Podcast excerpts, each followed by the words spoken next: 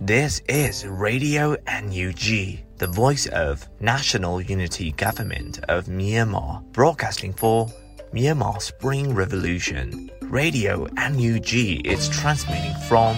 shortwave 16 meter 17.79 megahertz at 8:30 a.m. and 25 meter 11.94 megahertz at 8:30 p.m. Myanmar Standard Time. မင်္ဂလာပါခင်ဗျာ အမျိုးသားညီညွတ်ရေးအစိုးရရဲ့အတန်လွင့်ဌာန Radio NUG ကိုမနက်ပိုင်း၈နာရီခွဲမှာလိုင်းတို16မီတာ7.3 MHz ညပိုင်း၈နာရီခွဲမှာလိုင်းတို25မီတာ17.6 MHz တို့မှာဓာတ်ရိုက်ဖမ်းယူနိုင်နိုင်ပါပြီမင်္ဂလာအပေါင်းနဲ့ပြည့်စုံကြပါစေအခုချိန်ကစပြီး Radio NUG အစီအစဉ်တွေကိုဓာတ်ရိုက်အတန်လွှင့်ပေးနေပါပြီ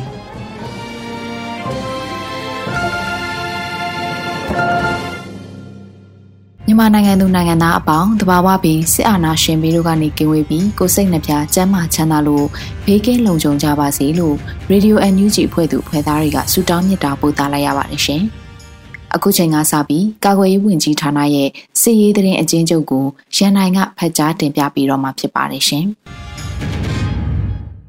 ကာကွယ်ရေးဝန်ကြီးဌာနအမျိုးသားညီညွတ်ရေးဆိုရမှထုတ်ဝေတဲ့ နေ့စဉ်စစ်ရေးသတင်းအကျဉ်းချုပ်ကိုကျွန်တော်ရန်နိုင်ကတင်ဆက်ပေးပါတော့မယ်။စစ်ကောင်စီနဲ့တိုက်ပွဲဖြစ်ပွားမှုသတင်းကိုတင်ဆက်ပေးပါမယ်။ကရင်နီကယားပြည်နယ်မှာဖေဖော်ဝါရီလ2ရက်နေ့နေ့လယ်3:30မိနစ်30မှ9:00နာရီအထိ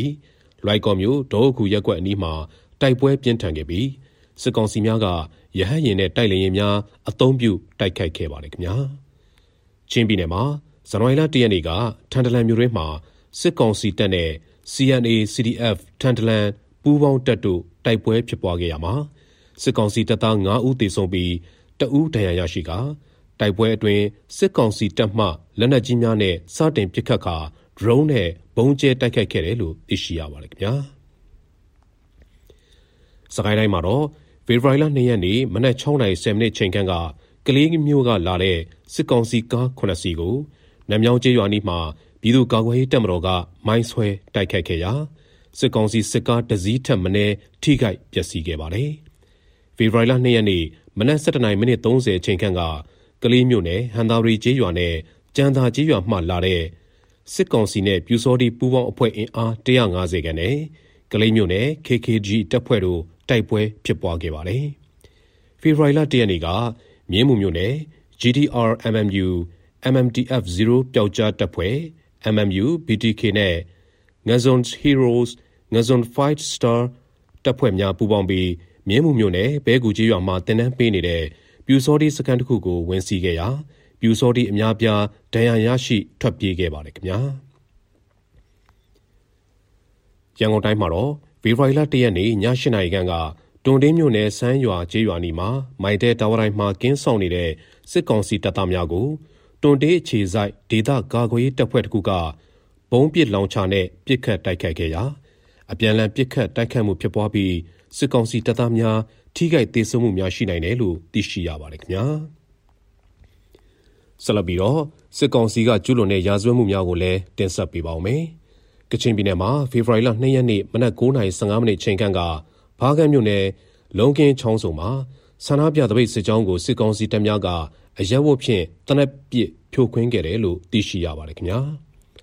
မွန်ပြည်နယ်မှာဖေဖော်ဝါရီလ2ရက်နေ့မနက်ပိုင်းကရေးမြို့နယ်အဘော်ကျေးရွာမှာစစ်ကောင်စီများကဒေသခံပြည်သူ2ဦးကိုပစ်တက်ခဲ့ကြပါတယ်ခင်ဗျာ။စကိုင်းတိုင်းမှာတော့ဖေဖော်ဝါရီလ10ရက်နေ့ကပလဲမြို့နယ်မွေးပုံကျေးရွာပန်းကျေးရွာများကိုစစ်ကောင်စီတပ်သားများကဝင်ရောက်မိရှုခဲ့ရာမွေတုံကျေးရွာတရွာလုံးမိလောင်ခဲ့ပြီးပန်းကျေးရွာမှာအင်ဂျီ300နီးပါးမိလောင်ခဲ့ပါတယ်။ ဖေဖော်ဝါရီလ10ရက်နေ့ညနေ3နာရီချိန်ခန့်ကဆလင်းကြီးမြို့နယ်ရှိ NLD ပါတီဝင်တအုပ်ကိုစစ်ကောင်စီတပ်သားများကဖမ်းဆီးခဲ့ကြပါတယ်ခင်ဗျာ။မကွေးတိုင်းမှာဖေဖော်ဝါရီလ၁ရက်နေ့နေ့လယ်ပိုင်းကရေစကြိုမြို့နယ်ရေစကြိုမြို့မဈေးတစ်မှာစစ်ကောင်စီတပ်သားများရဲများနဲ့စီပင်ဈေးကောင်းတို့ကမြို့မဈေးတစ်တစ်ခုလုံးမှာ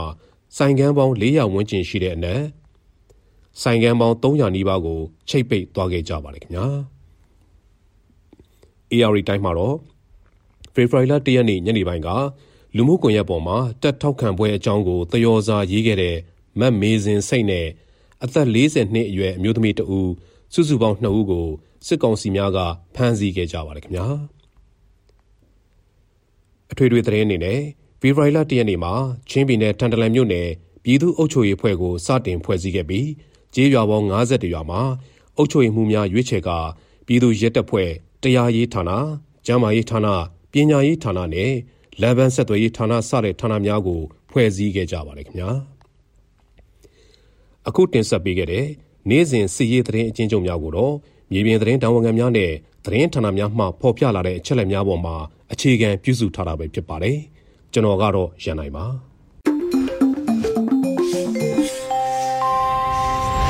ရေဒီယို NUG မှာဆက်လက်တန်လှည့်နေပါတယ်ရှင်။ အခုဆက်လက်ပြီးနောက်ဆုံးရသတင်းတွေကိုတော့ຫນွေဦးမောင်ကဖတ်ကြားတင်ပြပေးပါမယ်ရှင်။ယခုတင်ဆက်ပေးမှာကတော့မနက်ခင်းသတင်းအစီအစဉ်ပဲဖြစ်ပါတယ်။ကျွန်တော်ကတော့ຫນွေဦးမောင်ပါ။ပြည်ထောင်စုသမ္မတမြန်မာနိုင်ငံတော်ပြည်ထောင်စုလွှတ်တော်မှနိုင်ငံတော်၏အတိုင်းအမြံပုဂ္ဂိုလ်ဆိုင်ရာဥပဒေ2021ကိုပြင်ဆင်သည့်ဥပဒေတရအား2022ခုနှစ်ဖေဖော်ဝါရီလ2ရက်နေ့ရက်စွဲဖြင့်အောက်ပါအတိုင်းထုတ်ပြန်လိုက်ပါတယ်။ 2022ခုနှစ်ပြည်ထောင်စုလွှတ်တော်ဥပဒေအမှတ်1 1383ခုနှစ်တဘိုးရဲလာဆန်း2ရက်နေ့2022ခုနှစ်ဖေဖော်ဝါရီလ2ရက်ပြည်ထောင်စုလွှတ်တော်သည်ဤဥပဒေကိုပြဋ္ဌာန်းလိုက်သည်1ဤဥပဒေကိုနိုင်ငံတော်၏အတိုင်းအမြံပုဂ္ဂိုလ်ဆိုင်ရာဥပဒေ2021ကိုပြင်ဆင်သည့်ဥပဒေဟုခေါ်တွင်စေရမည်။နှင့်နိုင်ငံတော်၏အတိုင်းအမြံပုဂ္ဂိုလ်ဆိုင်ရာဥပဒေ2021ပုံမှန်6ပုံမှန်ခွဲကကိုအောက်ပါအတိုင်းအစားထိုးရမည်။က Federal Democracy ပြည်ညင်ပါနိုင်ငံရေးလမ်းပြမြေပုံနဲ့နိုင်ငံရေးရည်မှန်းချက်များအကောင့်ထဲပေါ်နိုင်ရေးအတွက် Federal Democracy ပြည်ညင်နဲ့အညီရေးဆွဲထားသောမဟာဗျူဟာအရနိုင်ငံတော်နဲ့နိုင်ငံသားများ၏အကျိုးစီးပွားများအတွက်အမျိုးသားညီညွတ်ရေးအစိုးရကိုအကြံပေးရမည်။၃နိုင်ငံတော်၏အတိုင်းအမြံပုဂ္ဂိုလ်ဆိုင်ရာဥပဒေ2021ပုံမှန်9ကိုအောက်ပါအတိုင်းအစားထိုးရမည်။ခုနှစ်အတိုင်းအမြံပုဂ္ဂိုလ်၏ယာရုတပ်တန်းသည်အမျိုးသားညီညွတ်ရေးအစိုးရ၏တပ်တန်းနှင့်အညီဖြစ်သည်။ ပြည်ထောင်စုလွှတ်တော်ကိုစားပြုကော်မတီ CRBH ရဲ့ဖြစ်ပါတယ်ခင်ဗျာဆက်လက်ပြီးအမျိုးသားညီညွတ်ရေးအစိုးရ၏ဂျပန်နိုင်ငံဆိုင်ရာကိုယ်စားလှယ်တဦးခန့်အပ်တာဝန်ပေးအပ်နိုင်ခဲ့တဲ့သတင်းတစ်ပုဒ်ကိုတင်ပြပေးဖို့ရှိပါတယ်ပြည်ထောင်စုသမ္မတမြန်မာနိုင်ငံတော်အမျိုးသားညီညွတ်ရေးအစိုးရနိုင်ငံသားရေးဝန်ကြီးဌာနသည်ဂျပန်နိုင်ငံနဲ့ဆက်ဆံရေးတိုးမြင့်ဆောင်ရွက်နိုင်ရန် ဂျပန်နိုင်ငံရောက်မြန်မာနိုင်ငံသားများပူးပေါင်းဆောင်ရွက်နိုင်ကြစေရန်ဂျပန်နိုင်ငံရောက်မြန်မာနိုင်ငံသားများတွေ့ကြုံနေရသောအခက်အခဲများကိုကူညီဖြေရှင်းနိုင်ရန်ရည်ရွယ်၍စောဘလှသိန်းအားပြည်ထောင်စုသမ္မတမြန်မာနိုင်ငံတော်အမျိုးသားညီညွတ်ရေးအစိုးရ၏ဂျပန်နိုင်ငံဆိုင်ရာကိုယ်စားလှယ်အဖြစ်ခန့်အပ်တာဝန်ပေးလိုက်ပါသည်စောဘလှသိန်းသည် Grand National League Japan KNL Current Information Space Japan KIS Current National Foundation Japan KNF Association of United Nationalities in Japan AUN Refugee Coordination Committee Japan RCCJ စသည့်အဖွဲ့အစည်းများကိုတည်ထောင်ခဲ့သူတဦးဖြစ်ပြီးလက်ရှိချိန်တွင်လည်းဂျပန်နိုင်ငံတွင်မြန်မာအရေးကိုတက်ကြွစွာဆောင်ရွက်နေသူဖြစ်ကြောင်းသိရှိရပါတယ်။ဂျပန်နိုင်ငံသည်မြန်မာနိုင်ငံမှာစစ်တပ်အာဏာသိမ်းမှုကိုစတင်ရှုတ်ချတဲ့နိုင်ငံဖြစ်ပြီးဒီမိုကရေစီလမ်းကြောင်းကိုပြန်လျှောက်ဖို့တိုက်တွန်းခဲ့တဲ့နိုင်ငံလည်းဖြစ်ပါတယ်။အာဏာသိမ်းပြီးတဲ့နောက်မြန်မာနိုင်ငံမှာဆောင်ရွက်နေတဲ့ဖွံ့ဖြိုးရေးလုပ်ငန်းတွေကိုရပ်ဆိုင်းထားတဲ့နိုင်ငံလည်းဖြစ်ပါတယ်။ အကြမ်းဖက်မှုများချက်ချင်းရပ်တန့်ရေးဖမ်းဆီးထိန်းသိမ်းခံရသူများပြန်လွှတ်ပေးရေးနဲ့ဒီမိုကရေစီစနစ်အမြန်ဆုံးပြန်လည်အသက်သွင်းရေးတို့ကိုလက်တွေ့လှုပ်ဆောင်ရန်အာဏာသိမ်းတစ်နှစ်ပြည့်ဖေဖော်ဝါရီ၁ရက်နေ့တွင်ဂျပန်နိုင်ငံသားရေးဝန်ကြီးယိုရှိုမာဆာကထုတ်ပြန်တိုက်တွန်းထားပါတယ်။အကြမ်းဖက်မှုများထိန်းချုပ်ကတ်တရန်နိုင်ငံတကာအတိုင်းဝိုင်းကထပ်တလဲလဲတောင်းဆိုနေသည့်တိုင်ဆက်လက်ဖြစ်ပွားနေခြင်းအပေါ်ပြင်းထန်စွာပြစ်တင်ရှုတ်ချကြောင်းနဲ့ပြီးခဲ့သည့်တစ်နှစ်အတွင်းအကြမ်းဖက်မှုများကြောင့်အသက်ဆုံးရှုံးခဲ့ရသူများအတွက်ဝမ်းနည်းကြောင်းဂျပန်နိုင်ငံရေးဝန်ကြီးကပြောဆိုခဲ့ပါတယ်။ တရားမဝင်အကြမ်းဖက်မြန်မာစစ်တပ်ကိုအနောက်ဒီမိုကရေစီနိုင်ငံများကပိတ်ဆို့တန်းခတ်အရေးယူမှုပြုလုပ်ထားတော်လဲတန်းခတ်အရေးယူမှုမပြုသောဒေသတွင်းဒီမိုကရေစီနိုင်ငံကြီးများတွင်ဂျပန်နိုင်ငံကလည်းပါဝင်တယ်လို့ဝေဖန်ထောက်ပြမှုတွေလည်းရှိနေပါတယ်။ဂျပန်၊တောင်ကိုရီးယား၊အိန္ဒိယနဲ့ဩစတြေးလျတို့ကအာဏာသိမ်းမှုတစ်နှစ်ပြည့်ချိန်အထိစစ်ကောင်စီအပေါ်ဒဏ်ခတ်ပိတ်ဆို့မှုလှုံ့ဆော်ခြင်းမရှိသေးစင်မှာပဲအခုလိုအမျိုးသားညီညွတ်ရေးအစိုးရ၏ဂျပန်နိုင်ငံဆိုင်ရာကိုယ်စားလှယ်ခန့်အပ်တာဝန်ပေးအပ်နိုင်ခဲ့ခြင်းဖြစ်ပါတယ်ခင်ဗျာ။ ဆက်လက်ပြီးအာနာသိန်းစစ်ကောင်စီရဲ့အုပ်ချုပ်ရေးရန်ရားတွေရက်ဆိုင်နေပြီဖြစ်တဲ့ဒေသသတင်းများကိုတင်ပြပေးပါမယ်။2022ခုနှစ်ဖေဖော်ဝါရီလ1ရက်နေ့စစ်အာဏာသိမ်းပြီးတစ်နှစ်ပြည့်ကာလအတွင်းဖာပွန်ခရိုင်တွင်စစ်ကောင်စီအုပ်ချုပ်ရေးရန်ရားမှာ10ရာခိုင်နှုန်းခန့်သာကျန်ရှိတော့ကြောင်းကရင်အမျိုးသားအစည်းအရုံး KNU တပ်မဟာ9ဘက်ကပြောဆိုခဲ့ပါတယ်။ တပ်မဟာ9နယ်မြေဖာပွန်ခရိုင်အတွင်းအစိုးရရန်ရာအားကောင်းခဲ့တဲ့ကျမ်းမာရေးပညာရေးရန်ရာများသည်လက်ရှိ၎င်းတို့ထိန်းချုပ်နိုင်ရာမြို့ပေါ်ရက်ကွက်များတွင်သာကြန့်ရှိသောကြောင့် KNU တပ်မဟာ9ဗျူဟာမူဗိုလ်မှူးကြီးစောထုကရှော့ကပြောကြားသွားခဲ့ပါတယ်။အာနာသိန်းတစ်နှစ်ပြည့်ကာလအရောက်မှာခုခံတော်လှန်ရေးတိုက်ပွဲများပြင်းထန်နေဆဲဖြစ်ပြီး KNU တပ်မဟာ9ဘက်ကတော့၎င်းတို့မူလနယ်မြေဖြစ်တဲ့ဖာပွန်မှာစစ်ကောင်စီတောက်တိုင်တွေထွက်သွားကြဖို့တတိပေးထားပြီးပါပြီ။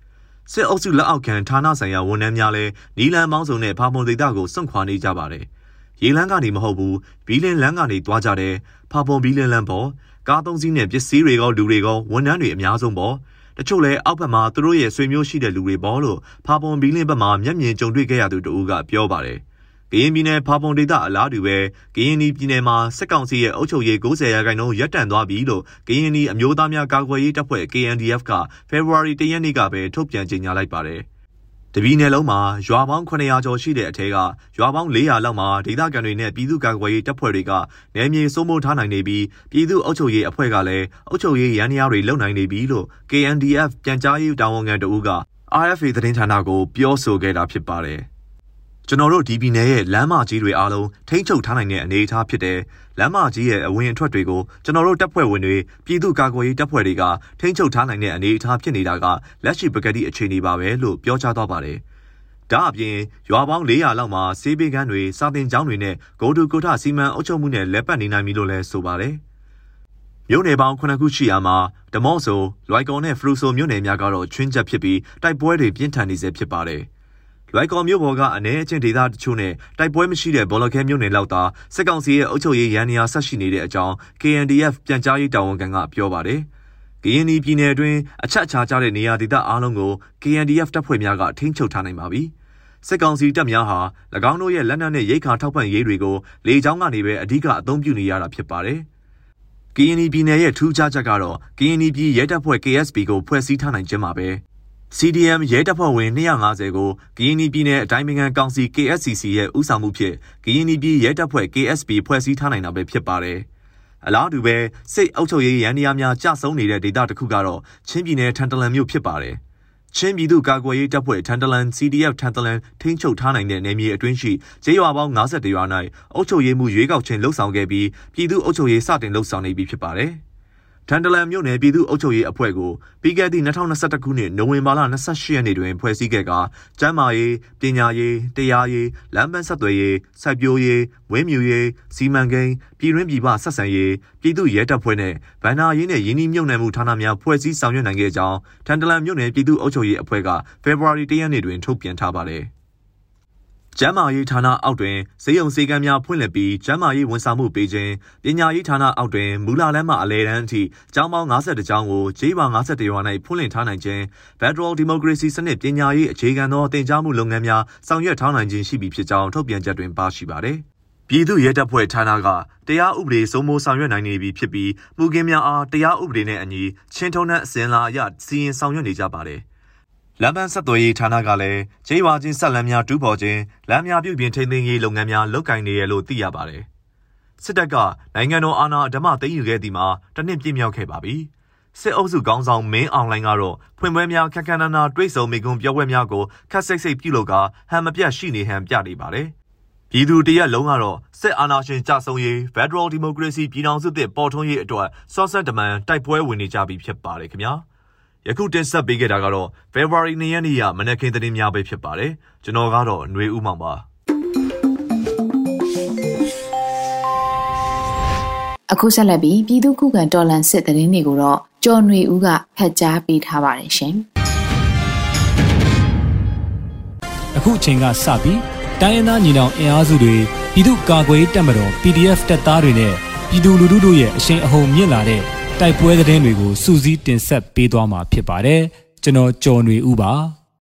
ပထမဆုံးအနေနဲ့ထန်တလန်မြို့တွင်းတိုက်ပွဲမှာစစ်ကောင်စီဘက်မှ9ဦးသေဆုံးပြီး2ဦးဒဏ်ရာရတဲ့သတင်းကိုတင်ဆက်ပါမယ်ချင်းပြည်နယ်ထန်တလန်မြို့မှာဖေဖော်ဝါရီလ1ရက်နေ့ကစစ်ကောင်စီတပ်နဲ့ချင်းမျိုးသားတပ်ဦး CNA CDF ထန်တလန်ကြားမြို့တွင်းတိုက်ပွဲဖြစ်ပွားခဲ့ပြီးစစ်သား9ဦးသေဆုံးက2ဦးဒဏ်ရာရကြောင်းသတင်းရရှိပါရယ်အကြမ်းဖက်စစ်ကောင်စီတပ်မှလက်နက်ကြီးပစ်ခတ်ခြင်းများ ဒရုန်းဖြင့်ဘုံကျဲခြင်းများကြောင့်တိုက်ပွဲစတင်ဖြစ်ပွားပြီး CNA CDF ရဲဘော်များထိခိုက်မှုမရှိကြောင်းစစ်ကောင်စီပစ်ခတ်တဲ့လက်နက်ကြီးများထိမှန်ပြီးနေအိမ်အချို့မီးလောင်ပျက်စီးခဲ့ကြောင်း CDF ထန်တလန်ကသတင်းထုတ်ပြန်ပါတယ်။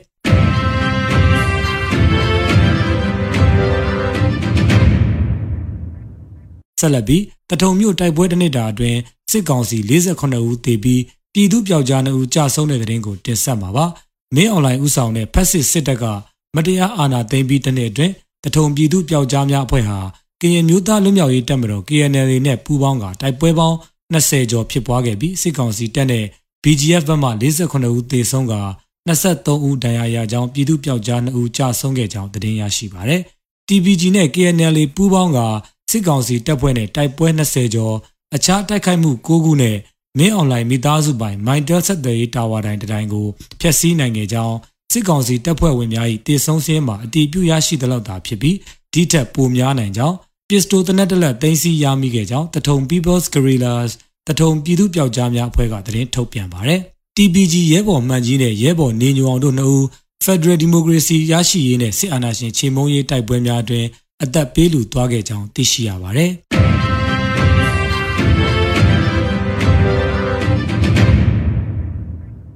နောက်ဆုံးအနေနဲ့ အမျိုးသားညီညွတ်ရေးအစိုးရပြည်ထရေးနဲ့လူဝင်မှုကြီးကြပ်ရေးဝန်ကြီးဌာနက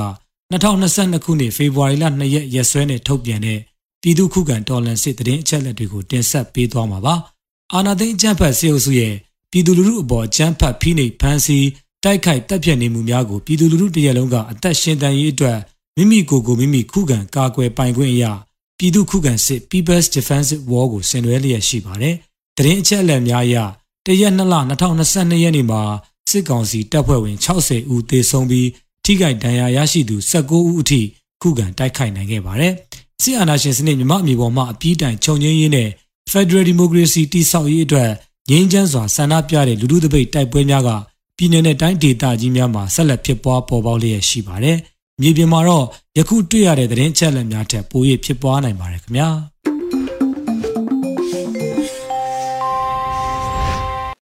ရေဒီယို NUG ရဲ့တော်လည်ရေးကဗျာအစီအစဉ်မှာမောင်လွင်မွန်ကတာရေးသားထားပြီးဒေါင်းဖတ်ကြားထားတဲ့ရေဆောင်ကပိုထက်တယ်ဆိုတဲ့ကဗျာကိုနားဆင်ကြရတော့မှာဖြစ်ပါတယ်ရှင်။ရေဆောင်ကပိုထက်တယ်။သူတို့တွေကကြောက်တောင်ကြောက်သားကြောက်လာမောင်မောင်မာမာပကတိထောက်ထောက်ညာညာမရှိတီရှိဝစ်စင်းရက တလန့်မာမာမရွေ့ရင်ဆိုင်တွေ့တဲ့မြောက်ကိုကာစီစန့်ကျင်မပြောပြောင်းကျင်တာဘိုးကသူတို့မြင်ငါတို့တွေကယင်ဘဝနေအေးချမ်းတန့်စင်ကိုတာဝန်ထမ်းရင်အနာတက်ကန်းကိုနင်းကြီးမကြော်ပျော်ပျော်ကြီးစီးဆင်းဖို့စုပြေခြင်းတွေကိုလက်ဆင့်ကမ်းစိန်လန်းခြင်းတွေလက်ဆောင်ဆက်ဖို့ ခရီးရှိဆက်ခဲ့ပြီးအတိတ်ပကြီးကတစ်ချက်မှတော့ကြောက်လွာတွေကြနေသားတကြရေသားအလှလိုစီစင်တိမ်မွေခြင်းနဲ့ခိုင်မာခြင်းတို့ပေါင်းစည်းအားရွေရှားခြင်းနဲ့တည်တံ့ခြင်းတို့ရဲ့တွဲလက်ပတာဒရှုခင်းလှလို့ပြောပါတယ်ခုကြတော့ဥဒုတဘာဝဖောက်ပြန် ကြောက်နေရတွေပြိုကျရေစီးသမျှကိုပိတ်ကာဆို့တော့ဝဲကြရတူပြင်းထန်ကြောက်နေရထက်ထက်ချာရေစီးကြောင်များလမ်းပြောက်ရေကြည်လဲနောက်အေးငိမ့်မှုတွေပြောက်နေပူလေပူကျန်းတွေအောင်ထပ်ပေါင်းမဲ့ရေတို့စုပွက်လာရီတွေကွက်ဘဝတွေကြည်ပြက်ခဲ့ပြီထပ်ပေါက်ရှာရုံးကန် ရေတို့အာမန်ကြောင့်တိုက်ပွဲခေါ်တယ်စတယ်လိုင်းလာတို့လက်စင်ကန်ကြောက်တောင်မြင့်တီတက်လန်းအေးချမ်းခြင်းမှာတက်ကြွခြင်းစီတည်ငြိမ်ခြင်းမှာလှုပ်ခတ်ခြင်းစီစီးစင်းခြင်းမှာရိုက်ပုတ်ခြင်းစီတလန်းစီတလန်းစီအပိအပြေပြောင်းနေပြီ ကြောက်တောင်ကြောက်သားဖောက်ပြားရအစီတာဘဝအရောက်မားလာတဲ့ခရီးသွားကဖြစ်မာကျောမှုဒီစားကလည်းသူ့ခွန်အားမပြောင်းမလဲတကြောင်နဲ့တမားမှုနောက်ဆုံးတော့လှိုင်းအားထဲမှာတတိတတိပြိုကျရေစင်းသမျှလည်းရက်တီမရပြိုမျောရေစိမ့်သမျှလည်း တစတစကြည်ပြက်ကြောက်ဆောင်ထက်ရေဆောင်ထက်ဆိုစကားအနက်ကိုကပီးတင်ဖို့ရေစင်ရေတန့်ရေကောင်းတွေတိမ်တန့်ထောင်တောင်းလှိုင်းအဖြစ်ဘဝပြောင်းလို့ရေဆောင်ထက်မြသွေးတက်တီပြခဲ့ကြတယ်ရေတွေရေရေတမယအနန္တလှိုင်းလို့ဖြစ်ချင်ကြောက်နေရ များကြောက်သားပကတိကြောက်အားညှိလျက်တတိတတိပြူကြနေကုန်မလားစသိန်းချင်းတနေ့တော့ခါကြောက်မြေမှာနှကန်းတန့်လို့တည်တန့်လှပတဲ့ရေစီးကြောင်းလို့အာကောင်မောင်းတဲ့တောတောင်ရင်စိမ့်လန်းရင်အမိရင်အင်းချမ်းရင်ဒန်းတူရင်ညီညရင်ညီညွတ်ရင် စတယ်အတွေးလာလာတွေနဲ့အေးမြတန့်စင်တဲ့ရေတို့အတွေ့မဝေစီးစင်ဒီရှုပြင်းတဲ့လင်းချင်းကြည်လက်ဆက်တဲ့နာဂတ်ရေစိမ်းပကြီးကတို့အားလုံးရဲ့အိမ်မက်ကြားမှာတောက်ကြွားမြင်တာနေပဲ။ဟောင်းမေမို့ကတာ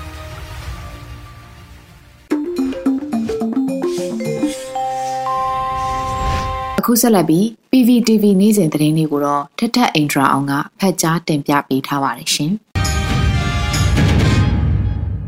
အခုချိန်ကစပြီး PVTV သတင်းတွေကိုတင်ဆက်ပေးတော့မှာပါ။ကျွန်မထက်ထက်အင်ဒရာအောင်ပါ။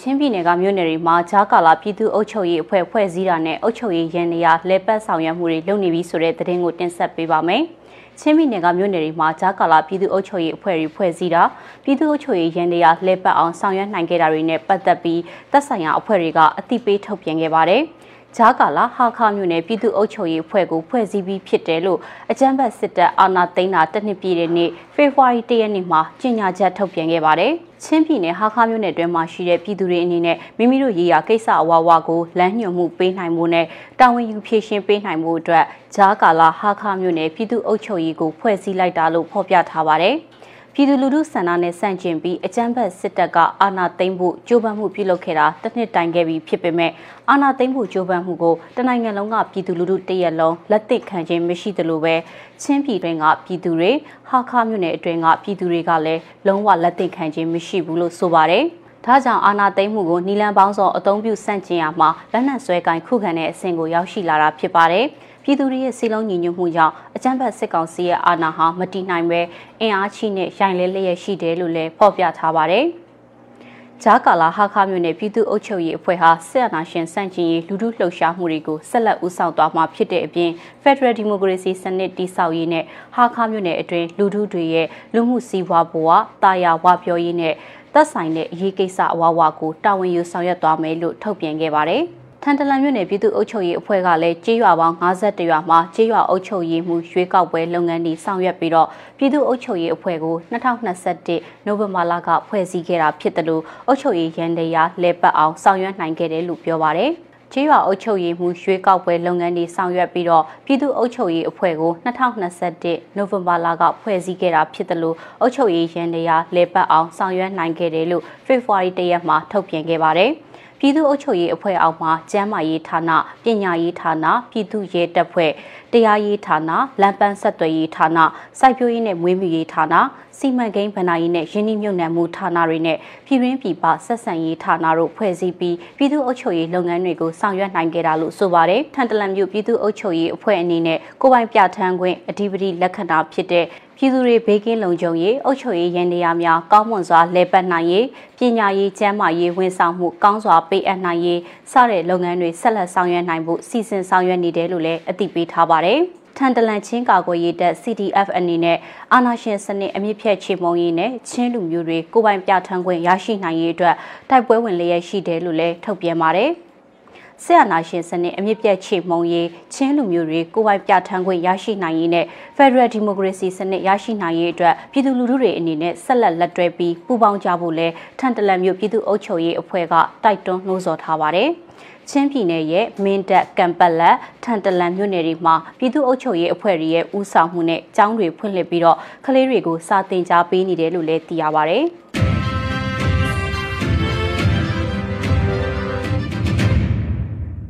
နောက်ထပ်အနေနဲ့အတန်တိတ်တပိတ်အောင်မြင်တဲ့အပေါ်ပြည်သူတဦးချင်းစီကိုကျေးဇူးတင်ရှိပါကြောင်းနဲ့ကမ္ဘာနိုင်ငံအသီးသီးကိုအချက်ရှိချက်အထွေထွေတပိတ်ပေါင်းဆက်ညှိနှိုင်းရေးအင်အားစု GSCP ကတောင်းဆိုလိုက်တဲ့ဆိုတဲ့သတင်းကိုတင်ဆက်ပေးပါမယ်။တနိုင်ငံလုံးအတိုင်းအတာနဲ့မနေ့ကပြုလုပ်ခဲ့တဲ့အတန်တိတ်တပိတ်အောင်မြင်စွာပြုလုပ်ခဲ့တဲ့အပေါ်မှာပြည်သူတွေတဦးချင်းစီကိုအထူးကျေးဇူးတင်ရှိတယ်ဆိုတာအပြင်ကမ္ဘာနိုင်ငံအသီးသီးနဲ့အာဆီယံကိုတောင်းဆိုလိုက်တဲ့အချက်ရှိချက်ပါကြေညာချက်တစ်စောင်ကိုဒီကနေ့မှာအထွေထွေတပိတ်ပေါင်းဆက်ညှိနှိုင်းရေးအင်အားစု GSCP ကထုတ်ပြန်လိုက်ပါတယ်။ကမ္ဘာကုလသမဂ္ဂနဲ့နိုင်ငံတကာအဖွဲ့အစည်းတွေအပါအဝင်ကမ္ဘာနိုင်ငံအသီးသီးမှာအရေးယူဆောင်ရွက်ပေးကြဖို့အတွက်ကိုလည်းနိုင်ငံလုံးဆိုင်ရာအတန်တိတ်တပိတ်လှုပ်ရှားမှုကြီးမှာပါဝင်ခဲ့ကြတဲ့နိုင်ငံတော်ဝန်ကပြည်သူလူထုကြီးနဲ့အတူတိုက်တွန်းတောင်းဆိုလိုက်တဲ့ဆိုပြီးတော့ဖော်ပြထားပါတယ်။တောင်းဆိုလိုက်တဲ့အချက်တွေကတော့အကြမ်းဖက်စစ်ကောင်စီထံသို့လက်နက်ခဲယမ်းတင်ပို့ရောင်းချမှုကိုရပ်တန့်ရန်အတွက်ကုလသမဂ္ဂလုံခြုံရေးကောင်စီအနေနဲ့ကမ္ဘာလုံးဆိုင်ရာလက်နက်ရောင်းချမှုပိတ်ဆို့ရေးဆုံးဖြတ်ချက်ချမှတ်ဆောင်ရွက်ရန် လက်နက်ကင်တိုက်ပွဲဖြစ်ပွားရာဒေသတွေမှာလေကြောင်းပြန်တမ်းမှုကင်းမဲ့ဆောင်တွေကိုကုလသမဂ္ဂကတတ်မှတ်ပေးဖို့နဲ့စစ်ကောင်စီထံလေရင်စီတင်သွင်းနေမှုတွေကိုထိန်းချုပ်ကန့်သက်ပေးရန်ကမ္ဘာကုလသမဂ္ဂနဲ့နိုင်ငံအစိုးရအသီးသီးကစစ်ကောင်စီကိုအကြမ်းဖက်အုပ်စုအဖြစ်သတ်မှတ်ကြေညာပေးရတဲ့ကမ္ဘာကုလသမဂ္ဂနဲ့ကမ္ဘာနိုင်ငံအသီးသီးမှာအမျိုးသားညီညွတ်ရေးအစိုးရကိုမြန်မာနိုင်ငံရဲ့တခုရီသောတရားဝင်အစိုးရအဖြစ်အမြန်ဆုံးအတိအမှတ်ပြုရန်ဆိုပြီးတော့ဖော်ပြထားပါတယ်။ ဒါအပြင်ကုလသမဂ္ဂလုံခြုံရေးကောင်စီအနေနဲ့စစ်ကောင်စီကကျူးလွန်ထားတဲ့လူသားမျိုးနွယ်အပေါ်ဆန့်ကျင်တဲ့ရာဇဝဲမှုတွေ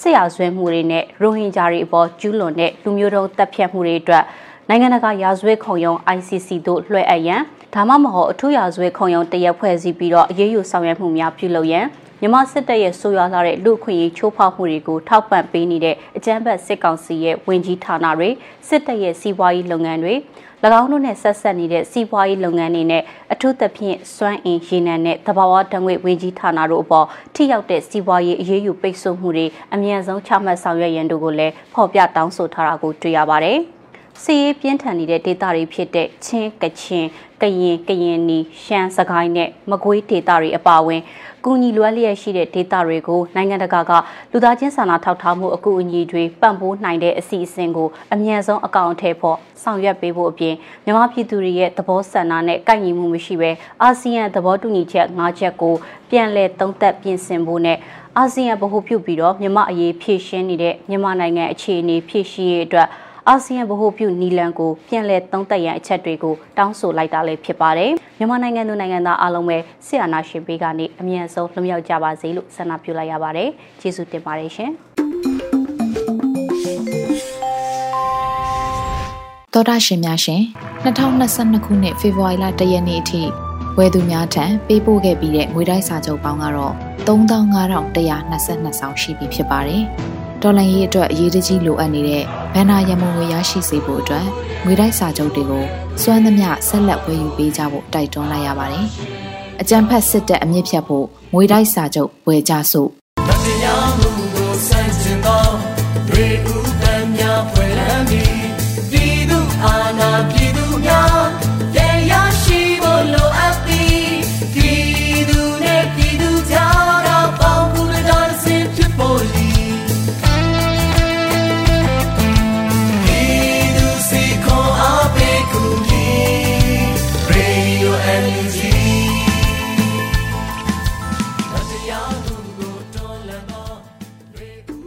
ကတော့ဒီညနေပဲ Radio NUG ရဲ့အစည်းအဝေးတွေကိုခਿੱတရနာလိုက်ပါမယ်။မြန်မာစံတော်ချိန်မနက်၈နာရီခွဲနဲ့ည၈နာရီခွဲအချိန်တွေမှာပြန်လည်ဆုံးဖြတ်ကြပါစို့။ Radio NUG ကိုမနက်ပိုင်း၈နာရီခွဲမှာလိုင်းဒို16မီတာစက္ကန့်တသမ9 MHz ညပိုင်း၈နာရီခွဲမှာလိုင်းဒို25မီတာ17တသမ6 MHz တို့မှာဓာတ်ရိုက်ဖမ်းယူနားဆင်နိုင်ပါပြီ။မြန်မာနိုင်ငံသူနိုင်ငံသားများကိုစိတ်နှပြကျမ်းမာချမ်းသာလို့ဘေးကင်းလုံခြုံကြပါစေလို့ Radio NUG အဖွဲ့သူအဖွဲ့သားများကဆုတောင်းလိုက်ရပါတယ်။အမျိုးသားညီညွတ်ရေးအစိုးရရဲ့စက်သွေးရေးတရင်အချက်အလက်နဲ့ဤပညာဝန်ကြီးဌာနကထုတ်လွှင့်နေတဲ့ Radio NUG ဖြစ်ပါတယ်။ San Francisco Bay Area အခြေစိုက်မြန်မာမိသားစုများနဲ့နိုင်ငံတကာကစေတနာရှင်များလှုပ်အားပေးများရဲ့ Radio NUG ဖြစ်ပါတယ်